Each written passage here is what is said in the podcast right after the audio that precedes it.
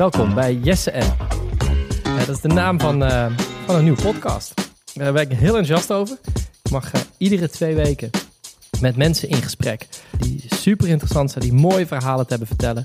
En eigenlijk over veel onderwerpen waar vaak, vind ik, niet genoeg ruimte voor is tijdens mijn werk in Den Haag in het parlement. Vandaag met Ellen het Hoen. Ellen is een octrooirechtadvocaat. Zij weet alles over de farmaceutische industrie en uh, over hoe zij ja, zoveel geld kunnen verdienen en vooral hoe, waarom de overheid dat toestaat en wat we daaraan zouden kunnen veranderen. Daarover gaan we vandaag in gesprek en daar kijk ik ontzettend naar uit. Uh, Ellen, jij bent een. nou, vertel eens, wat, wat is jouw vak? Hoe zou jij dat omschrijven? dat, is, dat, dat is een goede vraag. Nou, ik ben. Um, uh, ik ben juriste, maar ik werk al meer dan 30 jaar uh, aan geneesmiddelenbeleid. Um, met name de toegang tot geneesmiddelen, toegang tot effectieve geneesmiddelen, veilige geneesmiddelen. Met een aanvankelijke nadruk op uh, toegang tot geneesmiddelen in ontwikkelingslanden. Ik heb jaren voor Artsen zonder Grenzen gewerkt bijvoorbeeld. ik heb uh, ook in, in Genève tien jaar geleden de Medicines Patent Pool opgezet. Mhm. Dat was een initiatief om octrooilicenties met farmaceutische bedrijven te onderhandelen, zodat aidsgeneesmiddelen tegen hele lage prijzen op de markt konden komen in, in lage inkomenslanden. Um, en ik doe ook onderzoek naar geneesmiddelenbeleid. En gevraagd en ongevraagd geven wij met onze groep uh, onder de banner Medicines Law and Policy advies over hoe dat beleid uh, aangepast kan worden en hoe wetgeving aangepast kan worden. Met name op, uh, op Europees niveau. Ja, wij hebben elkaar leren kennen deze COVID-crisis. Uh, toen heb ik je uh, gebeld en hebben we gesproken eigenlijk over hoe, hoe ga je nou om met, met de grote farmaceuten die er zijn. dat de medicijnen die nodig zijn, dat die beschikbaar komen. Daar gaan we het zo dadelijk over hebben. Net zoals de Medicine Patent Pool waar je het net over had. Dus iedereen die denkt, wat was dat? Dat gaan we straks echt nog wel bespreken. Maar jij bent eigenlijk een patentrecht-expert. Uh, als ik het zo zou mogen zeggen. Wat zijn nou, patenten? wat, wat, wat zijn patent. patenten en octrooien? Ja, patenten en octrooien, nou, dat, dat, daar kunnen we al simpel over zijn, want dat is precies hetzelfde. Patent is eigenlijk een Engels woord. Het Nederlandse, het Nederlandse term is octrooi. En wat een octrooi eigenlijk is, is uh, je geeft iemand die iets heeft uitgevonden het recht om zelf te bepalen wie met die uitvinding iets mag doen. Dus uh, in de praktijk, in de geneesmiddelenpraktijk, betekent dat vaak dat zo'n octrooi dan een monopolie vestigt. Dus dat bijvoorbeeld een farmaceutisch bedrijf, wat zo'n octrooi heeft, gedurende de looptijd van een octrooi het alleen recht behoudt om een geneesmiddel op de markt te brengen. En als je natuurlijk een monopolie hebt, dan kun je vervolgens ook de prijs vragen die je wil. Dus dat is eigenlijk de onderbouwing van het, uh, het geneesmiddelenprijzenbeleid in de meeste landen. Uh, het octrooibeleid is mondiaal enigszins geharmoniseerd in 1995 met de aanname van de, van de regels voor de Wereldhandelsorganisatie, die alle landen hebben verplicht om een octrooiwetgeving uh, aan te nemen waar, uh, waarbij minimum 20 jaar durende octrooien moeten worden gegeven voor alle technologische innovaties. Hey, en uh, vaak wordt ervan gezegd, zo'n patent, zo'n octrooi, dat is belangrijk, voor, zeker voor farmaceutische bedrijven, want die stoppen heel veel geld in de ontwikkeling van medicijnen. En dat, moeten ze, dat is eerlijk, wordt er eigenlijk gezegd dat ze dat uiteindelijk kunnen uh, terugverdienen. Is dat niet een beetje waar? Hoe kijk jij dat? Ik denk, ik denk zeker dat dat gerechtvaardigd is. Het probleem is alleen dat we niet kunnen nagaan hoeveel tijd ze eigenlijk nodig hebben om de investeringen terug te kunnen verdienen. Uh, die, die periode van, van 20 jaar, zo'n 20 jaar octrooi, is vrij arbitrair. Waar dat op gebaseerd is, is helemaal niet duidelijk. Toen het TRIPS-verdrag werd aangenomen. De Wacht even, wat is het TRIPS, wat is het TRIPS-verdrag? TRIPS staat voor Trade-Related Aspects of Intellectual okay. Property Rights. Dat is het Wereldhandelsorganisatieverdrag ja. uh, over uh, intellectuele eigendom, inclusief ja. octrooien. In 1995 hadden landen hele diverse uh, patenttermijnen bijvoorbeeld. 7 jaar, 14 jaar, 17 jaar. Helemaal geen octrooien op geneesmiddelen. Heel veel landen kenden, die, kenden dat oh, helemaal niet. Dat, dat is nieuw voor mij. Dus dat is eigenlijk pas vanaf 1995, zeg je, dat, dat er octrooien op medicijnen zijn, uh, zijn gekomen. Daarvoor was dat helemaal niet gebruikelijk. Dat was niet gebruikelijk. Er waren een, een aantal rijke landen die belangrijke farmaceutische industrie hadden, die hadden al wel octrooien. Maar bijvoorbeeld een land als Zwitserland had aanvankelijk geen geneesmiddelen-octrooien, of hele korte geneesmiddelen-octrooien, omdat ze dat niet in het belang zagen voor de ontwikkeling van de chemische industrie voor Zwitserland zelf. Dus het was in het belang van de landen, en dat was in de tijd met name de Verenigde Staten, om die octrooiwetgeving wat meer te harmoniseren, zodat die bescherming werd uitgebreid mondiaal. Want die bedrijven kunnen dus uh, vanaf dat moment niet alleen in de Verenigde Staten een octrooi van 20 jaar krijgen, maar vanaf dat moment overal, met een uitzondering van een kleine groep allerarmste landen. Dat is interessant als je dat zegt, want uh, wat we vaak horen in het debat, als ik een, uh, het debat heb met, met Hugo de Jonge bijvoorbeeld, dan wordt er gezegd, ja, maar we hebben toch ook die farmaceutische industrie nodig en zonder octrooien dan gaan zij niet verder meer ontwikkelen. En zo, eigenlijk wordt er altijd gedaan alsof dit uh, altijd zo is geweest. Maar je schetst dat dit maar van, van hele korte, eigenlijk maar van, van hele korte duur is. Dat, dat, uh, nou ja, dus, een, enige, enige decennia. Het, 25 het jaar zo'n beetje. Ja, het, het, is zo dat, de, dat octrooien voor de farmaceutische industrie heel erg belangrijk zijn. Want ja. het, is, het, het, het, onderschrijft, het maakt het mogelijk om die hoge geneesmiddelenprijzen te vragen. Dat wil niet zeggen dat, dat er geen andere mogelijkheden zijn om uh, uh, onderzoek en ontwikkeling van geneesmiddelen te stimuleren. Ik denk dat dat ook heel interessant is wat we nu met die COVID-19-crisis zien.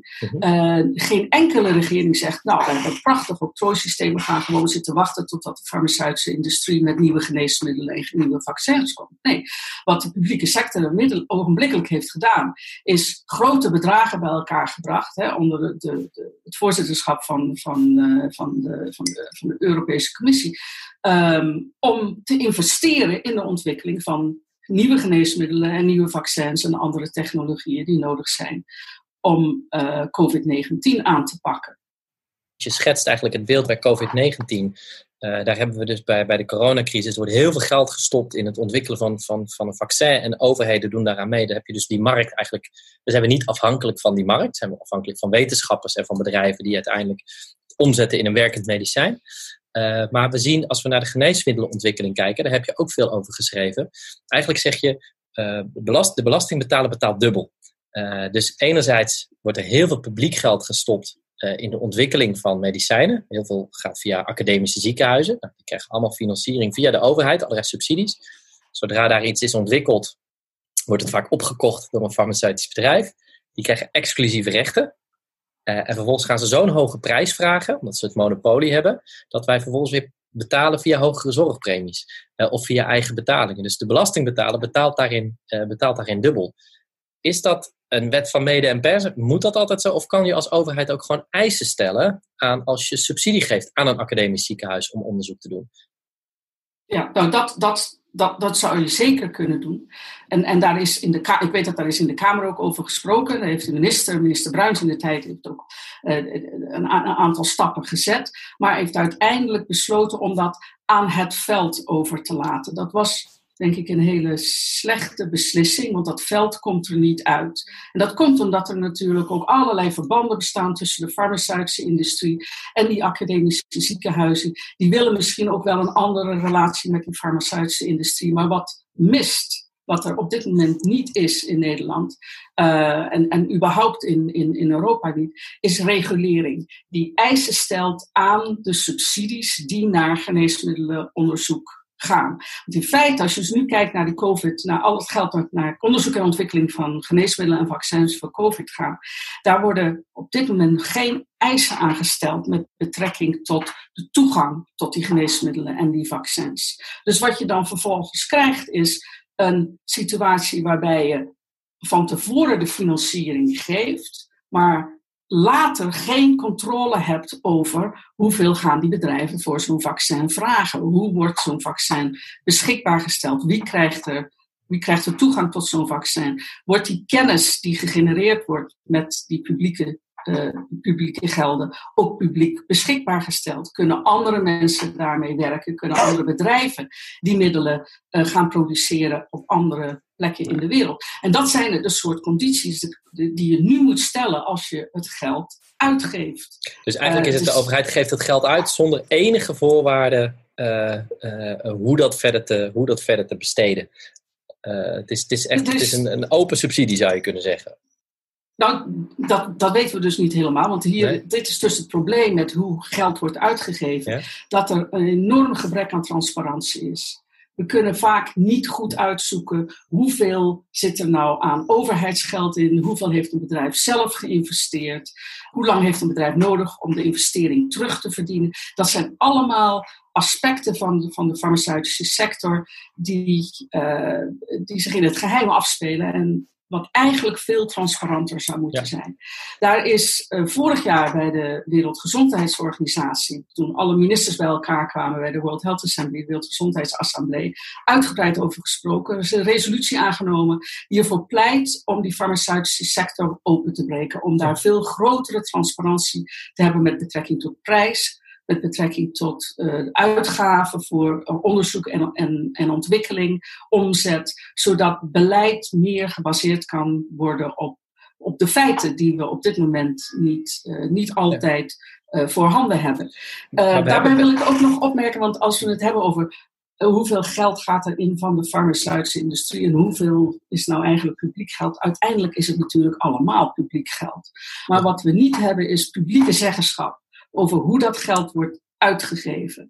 En dat leidt er ook toe dat je geen zeggenschap hebt over wat worden nou de prioriteiten in een onderzoek en ontwikkeling. Want de farmaceutische industrie, en dat kun je ze eigenlijk ook niet kwalijk nemen, want dat zo is het systeem. Die moeten zich verantwoorden ten opzichte van hun aandeelhouders. Die zullen altijd de onderzoek en ontwikkeling gaan zoeken in terreinen waar ze uh, waar ze het ook weer het meeste geld mee kunnen verdienen. Hè? Waar, waar grote winsten mee gemaakt kunnen worden. Waardoor je dus uh, ook uh, gezondheidsproblemen, die heel ernstig kunnen zijn, waar, waar geen oplossingen voor worden gezocht, omdat die simpel niet winstgevend genoeg zijn. Heel veel onderzoeksgeld op dit moment gaat naar het onderzoek naar uh, nieuwe kankerbehandelingen. Nou, dat is op zich, daar is op zich natuurlijk helemaal niks mis mee. Maar er is misschien wel een overfinanciering in die, uh, in die sector. Um, en dat is heel moeilijk te sturen, omdat dat de private ondernemingen zijn. Hoe, hoe zou je dat willen sturen, zeg maar? Want wat er vaak wordt gezegd is, dat moet, dat moet de markt doen. Hè? Want, want we weten als overheid, de overheid is ook niet alwetend. Dus waar moet je nou naar, uh, naar sturen? Uh, hoe zie jij dat voor je? Kan, als ik even hardop denk, hè, zou je een, eh, een, een, een, als overheid een, wetenschapsorgaan eh, zeg maar, moeten oprichten, waar de beste wetenschappers in zitten en die met elkaar bepalen van dit is eigenlijk waar de grootste eh, kansen zitten en bedreigingen en hier moeten we verder op gaan ontwikkelen. Dus dat je dat wel eh, niet met publieke adviezen werken en dat je vanuit daaruit verder werkt. Hoe moet ik dat voor me zien? Nou, ik denk dat je, dat je wat, wat een, een, goede eerste stap zou zijn, is om te identificeren wat zijn de gezondheidsproblemen die op dit moment door de markt niet worden voorzien. Mhm. en daar alternatieve uh, mechanismen voor, uh, voor in, in, in leven roepen. Dat geeft dan nog een, een, additionele, voor, een additioneel voordeel, dat je daarmee een soort feasibility studies kunt gaan doen om te kijken welke andere modellen kunnen werken en is dat, is dat misschien niet efficiënter. Uh, op internationaal niveau is dat enigszins gebeurd op het gebied van wat, wat de neglected diseases wordt genoemd, of de tropisch, zeldzame tropische ziekten, waar helemaal geen, uh, geen behandelingen voor waren. En wat voor ziekte moet je dan denken? Voor, voor nou, bijvoorbeeld Afrikaanse slaapziekte of leishmaniasis, ook tuberculose, ja. het, het AIDS-vaccin. Ja. Daarvoor zijn non-profit drug development initiatives, dus, dus geneesmiddelen onderzoeksinstituten voor opgericht, die dat onderzoek doen, direct gefinancierd. Um, de producten die zij ontwikkelen, die gaan tegen kostprijs, worden, worden die aangeboden. Dus daar wordt geen of hele kleine, hele kleine winsten op gemaakt. Um, en die, die blijken heel efficiënt te kunnen functioneren. Nou, ik stel niet voor de volledige farmaceutische sector op die wijze aan te pakken, want daar waar het werkt, werkt het. Nou, laat het, laat het uh, voort, voortgaan met uh, grotere prijstransparantie en, en prijscontroles, want die zijn echt af en toe uh, loopt, dat, loopt dat uit de hand. Maar stimuleer alternatieve innovatiemodellen daar waar het waar het niet werkt. Leer daarvan en kijk hoe dat wellicht ook andere problemen kan oplossen. Dat, dat zou zeker een, een weg voorwaarts zijn. Het is heel moeilijk voor een één land om dat alleen te doen. Ik weet niet of er in Nederland voldoende geld omgaat om dat als Nederland alleen te doen. Maar in Europees verband zou zoiets zeker uh, vorm kunnen krijgen. Nou, een probleem met Europees verband is, ik ben echt een groot voorstander van Europa. Uh, maar wat farmaceutisch beleid betreft, hebben we een groot probleem met de enorme invloed die de industrie heeft op het beleid wat in Europa wordt gevormd. Um, minister uh, Schippers heeft in 2016 eh, op een gegeven moment met haar vuist op tafel geslagen daar en gezegd: we moeten eens goed gaan kijken naar die farmaceutische incentives. Um, dat, dat gaat ontzettend traag. Maar wat, wat, wat, is de invloed van die farmaceutische industrie? Dus bedoel, hebben die daar een enorme lobbymacht? Er zijn enorm veel lobbyisten uh, actief.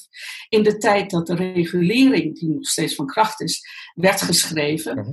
Uh, dat die, die wet, gezondheid was toen nog niet echt een, een competentie van, van, de, van, de, van de Europese Commissie. Dus die zijn allemaal geschreven vanuit het perspectief van enterprise, hè, het stimuleren van de Europese industrie. De interne markt, zorgen dat er concurrentieverhoudingen markt, zijn, dat de bedrijven kunnen floreren, winsten kunnen maken. Beter dan de Verenigde Staten. Dus dat ging ook de, de filosofieën die daarachter zitten, zijn bijna lachwekkend. Zo, hè, als we teruggaan naar, die, naar octrooi. Nou, de octrooiwet dat is nog steeds uh, nationaal. Dat, is, dat wordt niet door de Europese Unie gedaan.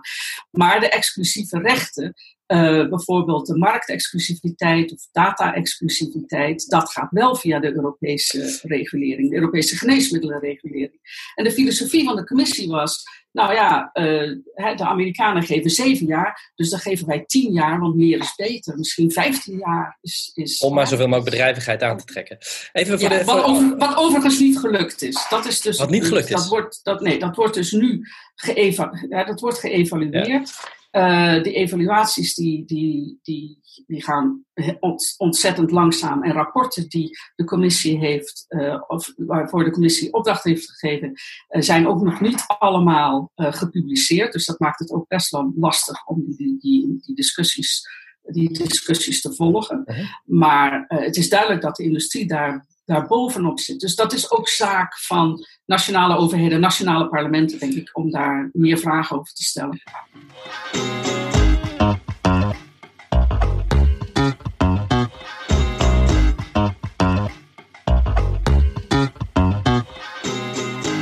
Spreek uh, in deze podcast met uh, Ellen het Hoen. Uh, zij is patentrecht-specialist. Ze is erop gepromoveerd. ik moet eigenlijk dokter, dokter het Hoen zeggen in, deze, in deze podcast. Ja, dat is goed hoor. we hebben met elkaar gesproken tijdens de, de, de COVID-crisis. En ik was zo onder indruk wat je daar vertelde over hoe eigenlijk die hele farmaceutische industrie werkt. En hoe dat te weinig onderwerp van gesprek is in de politiek. En dat we daar heel veel accepteren in hoe het nu gaat, dat het eigenlijk niet te veranderen is. En ja, het beeld wat jij schetst, ook nu, dat is dat daar heel veel anders zou kunnen. Dat het niet altijd zo is geweest, dat er 25 jaar geleden helemaal geen patenten waren. En een van de zaken die jij mij vertelde toen we het hadden over Roche, het bedrijf wat we misschien eh, de luisteraar ook wel kennen van eh, de maker van de COVID-testen, de coronatesten. Die maakten de speciale vloeistof die nodig is om te kunnen kijken, heeft iemand corona of niet. Uh, dat, dat wilden ze niet prijsgeven, uh, dat recept. We hebben in de Kamer hebben wij gedreigd met een, een dwanglicentie. Dus een, een dwanglicentie dat zorgt ervoor dat het patent wat er is wordt opengebroken. En dat de overheid iemand anders kan aanwijzen om dit medicijn te maken. Nou, wij spraken met elkaar en toen zei je, ho ho eens even Klaver. Is allemaal leuk en aardig, zo'n dwanglicentie. Maar bij Roche werkt dat eigenlijk niet, want het gaat hier over uh, het gaat hier over data-exclusiviteit. Het gaat over het recept wat er is. En dat ligt niet in Nederland, dat is Europees. Nou, misschien kan je daar eens iets meer over vertellen. Dat het dus niet alleen over patenten gaat, maar farmaceuten zijn nog op andere manieren beschermd. En dat zit vast in Europese wetgeving. Ik zeg soms wel eens af, die octrooien, dat is het minst van onze zorgen. Uh, een overheid kan ingrijpen. de Nederlandse overheid, de minister van Economische Zaken. Maar als dus een octrooi een, een, een belemmering vormt tot, tot, toegang, of de prijs te hoog is, of het uh, onmogelijk maakt om ergens anders iets te kopen wat je nodig hebt, of te produceren wat je nodig hebt, dan kan de overheid gewoon een, een, maatregel nemen, een dwanglicentie heet dat, afgeven als het bedrijf geen vrijwillige licentie wil afgeven. En vervolgens doen wat, wat, wat de overheid nodig acht. Maar er zijn andere exclusiviteiten die via de geneesmiddelenregulering, de Europese geneesmiddelenregulering, worden afgegeven, die een dergelijke uh, uh, beveiligingsklep niet hebben. Um, een aantal voorbeelden is de data-exclusiviteit. Dat is een automatische marktexclusiviteit voor de hele Europese Unie. Die je krijgt. Nu, dit, dit, gaat te snel, want dit gaat data-exclusiviteit, marktexclusiviteit. Wat is data-exclusiviteit? Data-exclusiviteit is de. Als je een geneesmiddel registreert bij het ja. Europese Geneesmiddelenbureau. Ja. Dus je vraagt, moment, daar een, je vraagt daar een octrooi aan? Nee, nee, nee je registreert nee, okay. je geneesmiddel. Ja. En dan krijg je toestemming om dat geneesmiddel te in de hele Europese Unie. Okay. Daarvoor moet je aantonen dat je geneesmiddel effectief is en veilig is. En daarvoor moet je klinische studies overleggen aan het en, Europees geneesmiddel. En klinische studies, dat betekent dat je het hebt getest uh, uh, ja. op mensen of dit werkt. Of je hebt of kunnen aantonen werkt. dat dus het werkt. Precies. Dus dan heb je aangetoond dit werkt en je hebt ook laten zien dat het, dat het veilig genoeg is. Op dat moment krijg je een, een periode gedurende welke een concurrent, dus een generieke fabrikant, dat zijn fabrikanten die kopieën maken van het eerste geneesmiddel wat de markt op is gegaan, die kunnen gedurende een bepaalde periode hun middel niet aanbieden bij het Europees Geneesmiddelenbureau, omdat het Europees Geneesmiddelenbureau geen gebruik kan maken van de data die zij dus zelf hebben van het originele geneesmiddel, om te kijken naar het generieke geneesmiddel. Nou, dan kun je zeggen, nou, dan kan die generieke fabrikant toch zijn eigen gegevens aanleveren. Hè? Dan doe je die klinische studies toch gewoon over. Nou, dat kan natuurlijk niet, want je kunt geen klinisch, klinisch onderzoek doen met een, met een molecuul waarvan al is bewezen dat het effectief is. Dat zal geen enkel ethisch ethische commissie goedkeuren. Bovendien kost het enorm veel geld en eigenlijk draagt het niets bij. Dus, dus even, even is... wat die data-exclusiviteit, om te kijken of, of um, de luisteraars hebben het vast wel begrepen, maar kijken of ik het goed, uh, goed begrijp. Er is een, uh, uh, je, je, brengt een medicijn, er is een farmaceut die brengt een medicijn op de markt. Er is een, iemand anders, die, kan, die heeft ook een fabriek, die kan, zou dit kunnen namaken, die heeft onderzoek gedaan, wat zit hierin, en die zou dit kunnen namaken tegen eigenlijk lagere kosten. Uh, en uiteindelijk, en die vraagt daar ook een octrooi, of die, gaat, die wil dit ook aanmelden, niet een octrooi, die gaat dit aanmelden bij het, uh, om, om dit op de markt te brengen. Maar dat lukt niet, omdat uh, uiteindelijk er geen gebruik gemaakt kan worden van de klinische studies die hier al op liggen. Ja, gedurende acht jaar. Gedurende acht jaar. Gedurende en dat betekent dat acht jaar lang niemand dit kan namaken. Klopt. na die acht jaar kan ja. een generiek bedrijf het wel namaken. Ja. En ook een, een, handelsvergunning aanvragen bij de Europese, bij de Europese medicijnagentschap. Uh, maar dan, moet het, dan komt daar nog twee jaar marktexclusiviteit bij. Dus het is acht plus twee ja. voordat het middel op de markt mag komen. Dus dat kan in bepaalde gevallen nog met één jaar verlengd worden. Dus dat, heet, dus, ja? dat heet in Europa de 8 plus 2 plus 1 regel. Dus en, acht jaar data-exclusiviteit, dan mag je het gaan aanvragen, maar dan duurt het in ieder geval nog minimaal twee jaar. Ja. Voordat je dus, je bent tien tot elf ja. jaar verder, voordat ja. een ander hiermee. Maar dat is toch eigenlijk heel raar. Als je gelooft Klopt. in een vrije markt, dan zou je zeggen, en, dan is concurrentie van belang. Dat en daar is, geen, uh, daar is geen dwanglicentie voor, voor, voor mogelijk. Dat is, dat, dat is en eigenlijk exclusieve uh, marktrechten die uh, automatisch worden gegeven. Hè? Ja. En, en, en door dus geneesmiddelenautoriteiten, die eigenlijk een hele andere functie hebben, namelijk beschermen van consumenten. Maar dat wordt dus door de geneesmiddelenautoriteiten uitgevoerd. Zo. Dit is één voorbeeld. Er is er nog okay. er, zijn, er is er meer, want als je hier ja, spreekt, dan kan ik nog wel even doorgaan. Er is, er, in, er is een aparte regulering voor uh, voor weesgeneesmiddelen. Dat zijn geneesmiddelen die uh, ontwikkeld worden voor hele zeldzame ziekten. Ja. Het idee daarachter is, de, die markt die is te klein om, uh, om onderzoeksgelden aan te trekken. Dat is niet winstgevend genoeg, dus daar moeten we uh, extra uh, prikkels voor creëren. Dus die hele weesgeneesmiddelenregulering is daarop gebaseerd. En daar valt onder andere onder tien jaar automatisch 10 jaar marktexclusiviteit. Dus als jij een weesgeneesmiddel op de markt brengt en daarvoor een weesgeneesmiddelindicatie aanvraagt bij het Europees Geneesmiddelenbureau en die krijgt op het moment dat je de handelsvergunning krijgt, heb je ook 10 jaar exclusiviteit. Of er nou een octrooi is of niet, dat heeft daar helemaal, helemaal niks mee te maken. Even, Nogmaals, daar, is ook, daar kun je dus ook niet ingrijpen. Daar zijn geen dwanglicenties mogelijk. Dus dat is, niet open te breken. Dat is dus echt exclusief is exclusief. Ik, ik moest denken, ik had zelf op mijn, op, in mijn voorbereiding staan waar ik het graag over wilde hebben, is de ziekte SMA. Er is een, een, een kindje in Nederland, Jamie, daar is, hebben, is een hele actie voor geweest. Team Jamie, die hebben 2 miljoen moeten inzamelen om het medicijn te kunnen krijgen. Om hem, SMA is een hele bijzondere spierziekte. Ik geloof dat er per jaar 1500 kinderen zijn die dit hebben. Dus ik neem aan dat dat ook een weesgeneesmiddel uh, is. Dat medicijn kost 2 is één spuit die een kind voor zijn tweede levensjaar moet krijgen. Kost 2 miljoen euro. Uh, en kan je mij daar iets over uitleggen? Speelt hier dus ook die marktexclusiviteit voor in dit geval een, een dochterbedrijf van Novartis? Ja, dit is dus een, een voorbeeld van. Um, uh, dit is een weesgeneesmiddel. Uh, dat is, is, is het al in, in Europa geregistreerd? Het is net, het is net geregistreerd. het is uh, een week of vier geleden, drie, vier geleden is het geregistreerd. Nou, dan, dan kan dat bedrijf dat tien jaar lang die exclusieve marktrechten behouden. Als dat bedrijf geen, niet het recht geeft aan anderen om vergelijkbare behandelingen beschikbaar te stellen, dan blijft dat zo. En daar kunnen wij dus niet op ingrijpen. Nee. Nou, wat, wat, wat ik, ik ben hier ingedoken, want ik vond dit, ik ben zelf, uh, ik ben zelf vader van, uh, van drie jongens. Uh, en als je dan zeker zo'n klein ventje, als je de, de, foto's en de beelden ziet, je, je, je, denkt onwillekeurig gelijk aan je eigen, aan je eigen kinderen. Ja. en, dus ik ben, ik ben, hier ook ingedoken. En, en er is een start-up geweest, die heeft dit ontwikkeld op basis van kennis die bij academische ziekenhuizen is opgedaan in Frankrijk.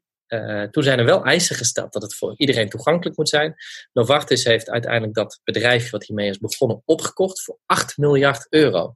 En de persberichten die er toen werden verstuurd door, um, door Novartis, dat is dus een, een van de grootste uh, farmaceutische bedrijven van de wereld. In 2018 maakte die 49 miljard euro winst. Nou, dat is gewoon een, dat is een 49 met heel veel nullen. Even de orde grootte, dat is uh, zeg maar de, dat is de, totale begroting voor onderwijs in Nederland. Plus defensie. En dan hou je nog geld over om andere dingen te doen. Dus zoveel geld verdienen zij in, in één jaar. Uh, en zij, toen zij die 8 miljard euro voor dat bedrijf betaalde, wat dat medicijn voor die bijzondere spierziekte maakt, was er een persbericht dat de hele raad van bestuur hierachter stond. Het is veel geld, in cash betalen we dat. Maar het is zo winstgevend, want we zijn de enige die dit op de markt kunnen brengen. We hebben exclusiviteit. Ja. Hoe kan dat? dat heeft die ontwikkeling, dat durf ik. Ik heb de cijfers niet gezien, want het is allemaal geheim. Maar ik weet zeker, de ontwikkeling van dat medicijn heeft geen 8 miljoen euro gekost. gekost. Alleen ze betalen het omdat ze een monopolie hebben. Ja, precies. Hoe, door, hoe doorbreek je dit? Door, dat doorbreek je door. Want als je, als je vraagt, hoe kan dit nou eigenlijk? Nou, dat kan omdat de regels dit mogelijk maken. Dit is uh, gebruikmaking van wetgeving die, die bestaat. Die, die politici hebben gemaakt. Als die politici hebben gemaakt, als die tien jaar marktexclusiviteit in de Europese Unie niet zo sterk was, dan zou je dus niet dit soort uh, rare capriolen zien. Die 8 miljard is trouwens dezelfde, dezelfde omvang als onze hele geneesmiddelmarkt in Nederland. Dus het, het, gaat echt om, om krankzinnige bedragen. Uh, dit doet me ook denken aan sofosbuvir. Dat is het middel voor de behandeling van, van hepatitis C. Ja. Dat, was door, uh, dat is een, een, vergelijkbaar verhaal. Het gaat niet om een zeldzame ziekte. Maar dat Gilead Sciences, die het middel op de markt heeft gebracht onder de merknaam Sovaldi um, die met de prijs van 85.000 uh, dollar aanvankelijk voor een behandeling van 12 weken, heel effectief geneesmiddel. En uh, Gilead was vrij snel om te zeggen: ja, het heeft ons 11 miljard gekost om dat middel te ontwikkelen. Dat is, was niet waar. Ze hebben 11 miljard betaald voor het bedrijf wat het middel heeft ontwikkeld. Hm. Dus die markups. Bovendien had Gilead binnen drie maanden die 11 miljard terugverdiend. Binnen drie maanden? Dus dat spreekt ook weer ja. naar over de, de transparantie hiervan. Ik, ik vind het prima dat bedrijven winsten maken en dat je zorgt dat er genoeg geld in omgaat zodat die innovatie kan plaatsvinden. Maar we moeten de vraag kunnen beantwoorden: hoeveel geld moet daar eigenlijk in omgaan? Als je kijkt naar Gilead bijvoorbeeld, die hebben, die hebben trouwens ook remdesivir, het, middel wat, het eerste middel wat enige effectiviteit toonde eh, bij de behandeling van COVID-19. Ze hebben daar nog niet veel van verkocht, maar hun beurswaarde is zoveel gestegen dat ze al 18 miljard hebben, eh, daarmee hebben verdiend zonder zonder eigenlijk het middel beschikbaar te stellen. Alleen de dus belofte van het middel. Precies. Uh, en vandaar dat we ook al die persberichten nu zien. Want elke keer als er een positief persbericht is, dan gaat natuurlijk die, beurs, die beurswaarde omhoog. Maar um, even terug te gaan naar die, die, die weesgeneesmiddelen uh, kwestie. En eigenlijk speelt hier nog iets anders. En dat is het feit dat we wat we nu zien. Um, in die hele ontwikkeling naar meer persoonlijke uh, geneesmiddelen, die, die eigenlijk, wat eigenlijk geen geneesmiddelen zijn. Wat we vandaag de dag zien, is dat therapieën die vaak in academische ziekenhuizen worden ontwikkeld, vervolgens over worden gedragen aan de farmaceutische industrie en als geneesmiddel terugkomen tegen hele hoge prijzen. Terwijl dat vaak therapieën zijn die eigenlijk uh, gewoon als, medisch, als een medisch handelen uh, zouden moeten worden bekeken. Uh, dat zijn geen octrooieerbare. Kan, kan, je daar een, kan je daar een voorbeeld van geven? Nou, een voorbeeld is um, de, de, nieuwe kankerbehandelingen. CAR-T bijvoorbeeld. Dat is ook Novartis en Gilead, die hebben dat allebei op de markt. Dat zijn behandelingen die tussen de 300 en 400.000 euro kosten per behandeling, per patiënt. Uh, volgens de, uh, de persoon die, die, die, die, deze behandeling heeft ontwikkeld, uh, is de productiekosten voor één behandeling ligt rond de 20.000. Dus dan zie je ook weer een, een behoorlijke, behoorlijke markup. Er zijn verschillende academische centra in Europa, uh, onder andere in Barcelona en ook een aantal in Italië. Die hebben gezegd: wij gaan die prijzen niet, niet betalen, wij kunnen dit ook zelf doen. En die doen dit dat dus, die, die, maken die, die behandeling, behandeling zelf. Bedrijven zullen heel snel zijn uh, in, in zeggen, oh, maar dat is niet veilig, wij kunnen dat veel beter. Um, dat, zei Roche, dat zei Roche ook, hè? toen, toen ze werden aangevallen. Zeiden ze, nee, wij kunnen dat veiliger, de rest kan dat niet. Ja, dat, dat, krijg, dat krijg je heel, vaak, heel vaak te horen. Ik was laatst in een discussie met twee vertegenwoordigers van de farmaceutische industrie. Dat waren allebei intellectuele eigendomsjuristen. Die ook heel snel dat argument gebruikten. Ja, maar de veiligheid is toch wel een heel grote zorg. Nou, dat is ook een zorg. Maar het octrooisysteem is er niet om om geneesmiddelenveiligheid uh, te verzekeren. Daar hebben we geneesmiddelenregulering voor. Um, dat, dat heeft daar verder niks mee te maken. Maar dat argument, dat wordt heel vaak gebruikt. En dat zie je heel veel in, de, in het farmaceutische beleid, is dat fearmongering, zeg je in het Engels. Uh, dat, en, en politici zijn daar vaak gevoelig voor. De industrie gebruikt heel veel argumenten die, die, die zorgen en angst veroorzaken. Zoals als jullie dit niet doen, dan vertrekken we uit Nederland, dan investeren we niet, dan gaan we niet meer, geen, dan komen er geen nieuwe geneesmiddelen op de markt.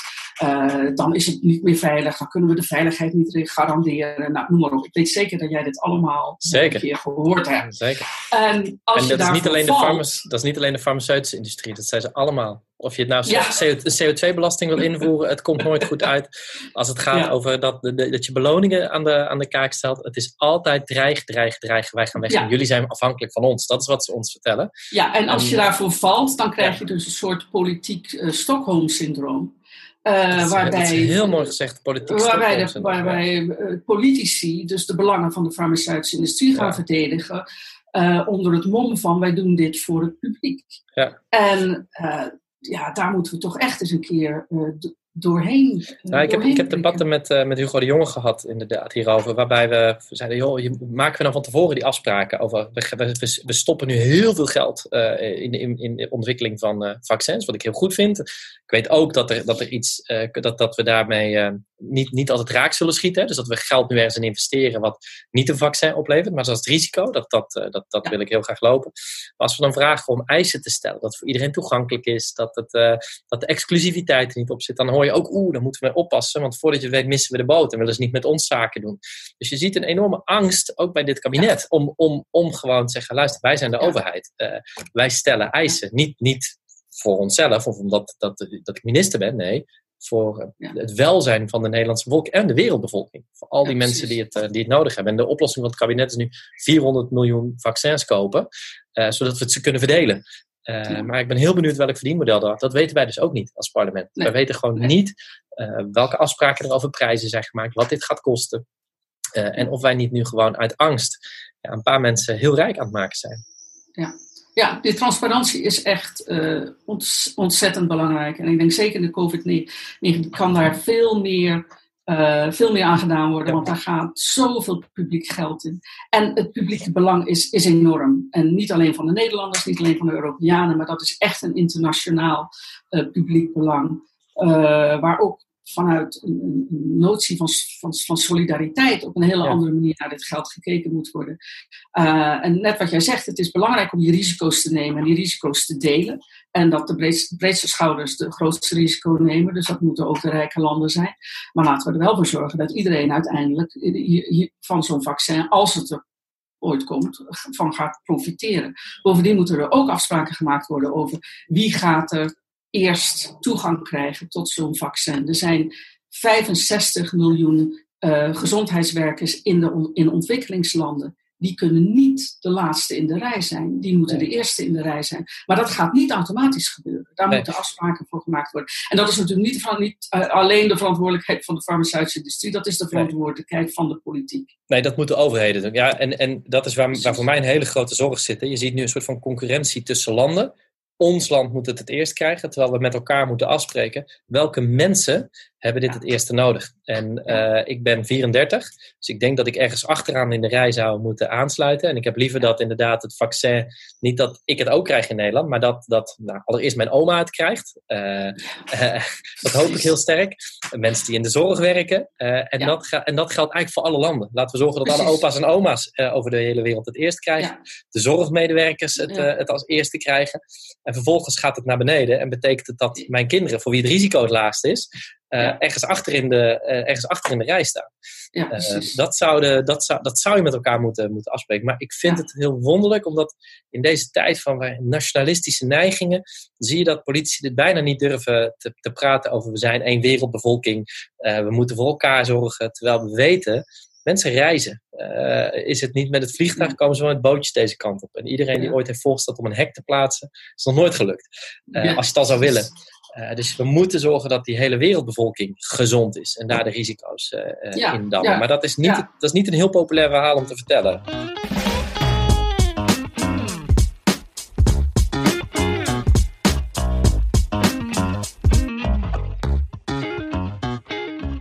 Waar komt jou, ik vind het geweldig om met je te spreken en ik zie de drive die je hebt op een ongelooflijk technisch thema, wat helemaal niet technisch is, maar gewoon over het, het leven van mensen gaat en wat ons allemaal aangaat. Waar komt die drive vandaan? Waar is dit, waar is dit geboren om je op zo'n specifiek punt te richten?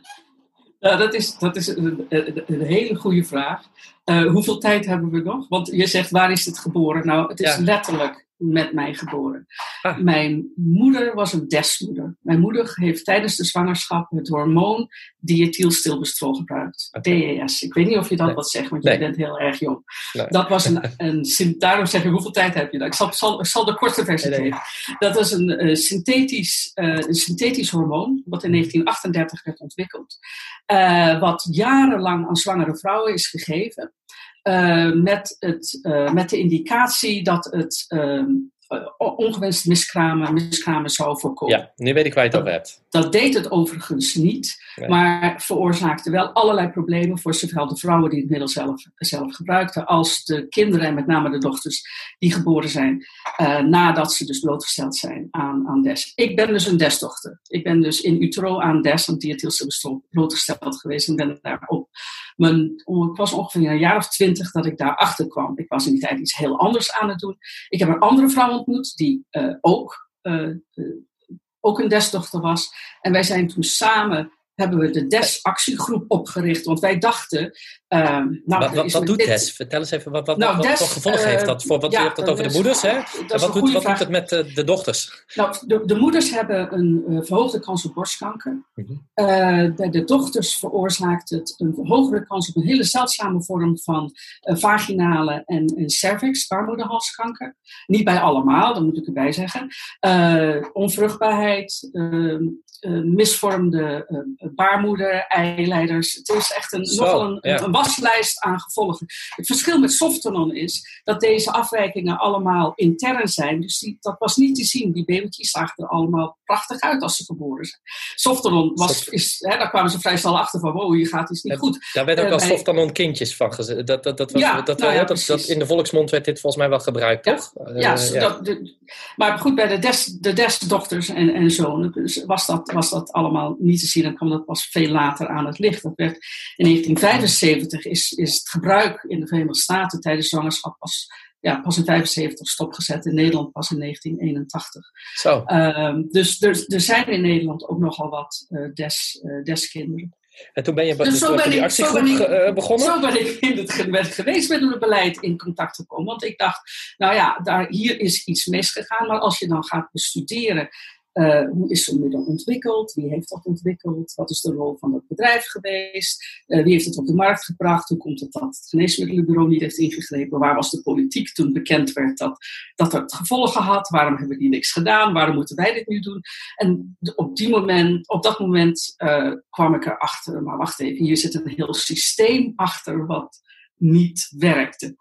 Um, en dan, ja, zo ben ik dus in de geneesmiddelenwereld terechtgekomen. En toen kreeg ik op een gegeven moment een telefoontje uit, uh, uit Kenia, waar dat middel nog steeds aan zwangere vrouwen werd gegeven. En, en welke tijd spreek 1987, 88 was dat. Toen dacht ik, jee. Dus zo ben ik in het internationale werk terechtgekomen. En ik, ben, ik heb verschillende keren geprobeerd om eruit te stappen, maar ja, dat gaat op een gegeven moment dat soort van Hotel California. Eh. ja, precies. Maar het is ook een fascinerend, het is ook echt een fascinerend ja. Eh, onderwerp. Wat, wat, een, wat een bijzonder verhaal om hoe, hoe je hierin, uh, hoe je hierin uh, terecht bent gekomen. Wat was, je, wat was je, je conclusie van, van die zoektocht naar de, de desktop? Waarom heeft de politiek niet ingegrepen? We moeten de mensen niet te veel bezorgd maken. Dat leidt maar tot paniek. Dat, ah. dat, was, dat was de reden. Dat was de bottomline. Dat was de bottomline. Dat leidt maar tot paniek. Terwijl wij hadden zoiets van, nou, hoezo paniek? Je moet je informeren. Uh, die vrouwen moeten opgespoord worden. Die hebben speciale onderzoeken nodig. Want je kunt die kanker zeker behandelen, maar dat moet, daar moet je er wel bij zijn. Uh, dus wij hebben uh, gevoerd. We hebben, wij hebben zelf de artsen geïnformeerd. We hebben artsen uit de Verenigde Staten gehaald die de Nederlandse artsen hebben geschoold. Uh, maar dat had natuurlijk de overheid, allemaal. Is hier onderzoek naar? Is er eigenlijk ooit een onderzoekscommissie naar, naar gekomen die is, heeft gezegd: Goh, is, is dit door de overheid zelf onderzocht? Hè? Van wat hebben wij daar fout gedaan? Wat gebeurde daar? Nee, nee de, overheid heeft, de overheid heeft hier zelf geen onderzoek naar gedaan. Die heeft, heeft op een gegeven moment wel uh, de verantwoordelijkheid genomen om de artsen te informeren. Er was in de tijd een hele goede inspecteur bij het ja. ministerie, inspecteur van Geuns. Uh, hij is helaas niet meer bij ons, maar uh, een fantastische man, die heeft dat zelf. Dus er waren echt wel kampioenen binnen, de, binnen, binnen ja, ja. het ministerie die het een en ander hebben, hebben gedaan, maar er is nooit echt een goed onderzoek naar gedaan. En uh, de opvang en informatievoorziening is allemaal door het DES-actiecentrum te hand genomen. Het is eigenlijk heel raar dat, dit, dit, dat zo'n grote medische misser, dat dat, niet verder is onder, dat dat niet verder is onderzocht door de overheid. Of wat kunnen we hiervan leren? Wat betekende dit? Zodat we niet diezelfde fouten maken. Waar ik nog even naar, naar, uh, naar door wilde vragen. Eigenlijk over, als jij nou uh, minister van Volksgezondheid uh, zou zijn. en ik vraag je, maak nou eens een agenda over hoe we dat farmaceutische systeem, hoe we dat nou moeten, moeten aanpakken. daar heb je al een paar dingen van gezegd. Een deel kan in Nederland, een deel zullen we in Europa moeten doen. Hoe ziet die agenda? Wat zijn nou de eerste, in de eerste honderd dagen, wat zijn nou de eerste drie dingen waar je van zegt, dit gaan we gelijk aanpakken? Ik zou het innovatie-incentive systeem, het innovatie-prikkelsysteem veranderen. Ik zou, het, ik zou een, een beleid voeren wat um, het, het, financieren van onderzoek en ontwikkeling van nieuwe geneesmiddelen via hoge prijzen, wat we mm vandaag de dag hebben. Ik zou dat, ik zou dat veranderen naar laten we dat geld uitge direct uitgeven aan innovatie. Dus ik zou me richten op het creëren van de markt voor innovatie en die in feite wat apart zetten van de verkoop van die middelen. En wat betekent dat? Wat, wat, wat, hoe, hoe doe je dat? Dat doe je, dat kan, zoals ik al eerder zei, dat kan niet. Uh, ik denk niet dat Nederland dat alleen zou kunnen. Ik denk dat dat iets is wat op de Europese agenda moet komen. Ik denk dat het ook onderwerpen zijn om internationaal te bespreken. Zodat je een soort coalitie krijgt van landen die dat willen gaan doen. Dan zou ik een, eh, een prioriteitsagenda zetten. Laten we nou eens een lijst maken van, van, van bepaalde ziekten of uh, indicaties waar we, waar we niets voor hebben. Uh, nieuwe, ontwikkelen van nieuwe antibiotica zal daar zeker heel hoog, heel hoog op staan. En daar internationaal nieuwe afspraken en nieuwe andere financieringsmechanismen voor, voor creëren. En daar dan lessen uittrekken om te kijken, kunnen we niet, niet andere dingen doen. Dat, is dus, dat zal een beetje langer termijn zijn. Op korte termijn Mag ik, uh, voordat je verder gaat hoor, naar de korte termijn, even hierbij. Betekent dit, uh, betekent het nou concreet? Hè? Uh, in Europa spreken we af waarop moeten nu de, de grote ontwikkelingen op medicijngebied plaatsvinden. Je noemde al antibiotica vanwege de, de resistentie. Hè? Dus, antibiotica werkt steeds minder goed. Um, daar gaan we dus publiek geld aan uitgeven. Die overheden leggen geld bij elkaar. Daar gaan we onderzoek van financieren. Uh, en vanuit dat onderzoek worden uiteindelijk komen medicijnen.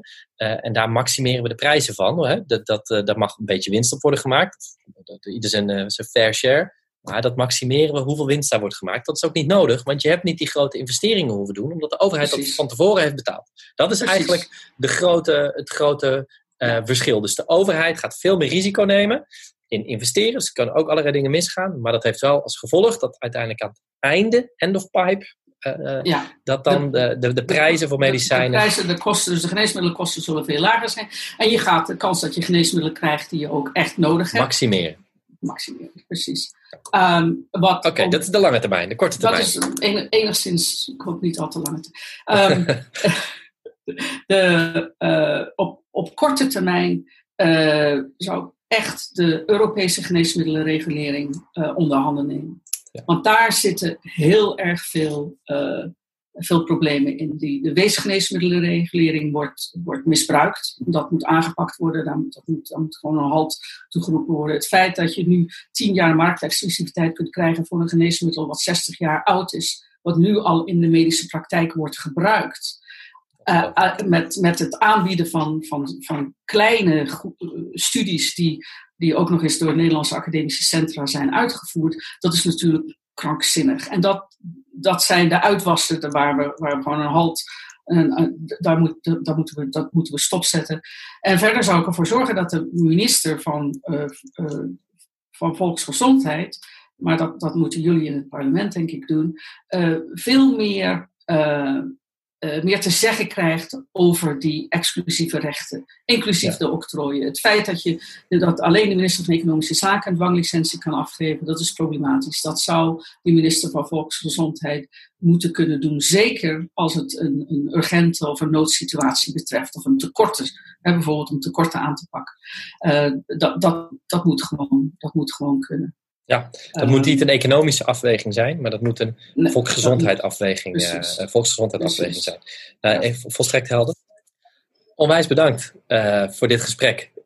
Ik vond het heel informatief en echt een eye-opener en soms ook, soms ook schokkend. En voor mij het belangrijkste wat ik hieruit meeneem, is dat er een, een, een systeem achter de, achter de hele medicijnontwikkeling schuil gaat. En dat we de moed moeten hebben om dat systeem aan te pakken. En als we dat niet doen, dat we dan maar blijven ronddraaien in de cirkeltjes en dat de belangen, de economische belangen, van die farmaceutische industrie altijd zwaarder wegen uh, dan het belang van volksgezondheid. En uh, ja. dat we in al onze wetgeving, niet alleen in de woorden die je gebruikt als politicus, er zal geen politicus zijn die zegt nee, economie is belangrijker dan volksgezondheid, maar in onze wet en regelgeving moet die volksgezondheid op nummer 1 staan. Ook als het de economische belangen aantast van uh, bedrijven die dreigen, die dreigen weg te gaan of ja. de helft spreken. We moeten ze aanpakken. Precies. Ja, en dat kan nooit alleen de verantwoordelijkheid zijn van de minister van Volksgezondheid. Daar heb je echt als, als regering en, en ook op Europees niveau uh, brede, brede steun en breed beleid voor nodig. Zeker. Dit vraagt om een uh, veel grotere verandering dan alleen, uh, dan alleen volksgezondheid eigenlijk.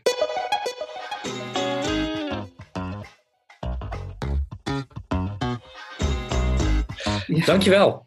onwijs bedankt voor je tijd. Jij ook. Dankjewel.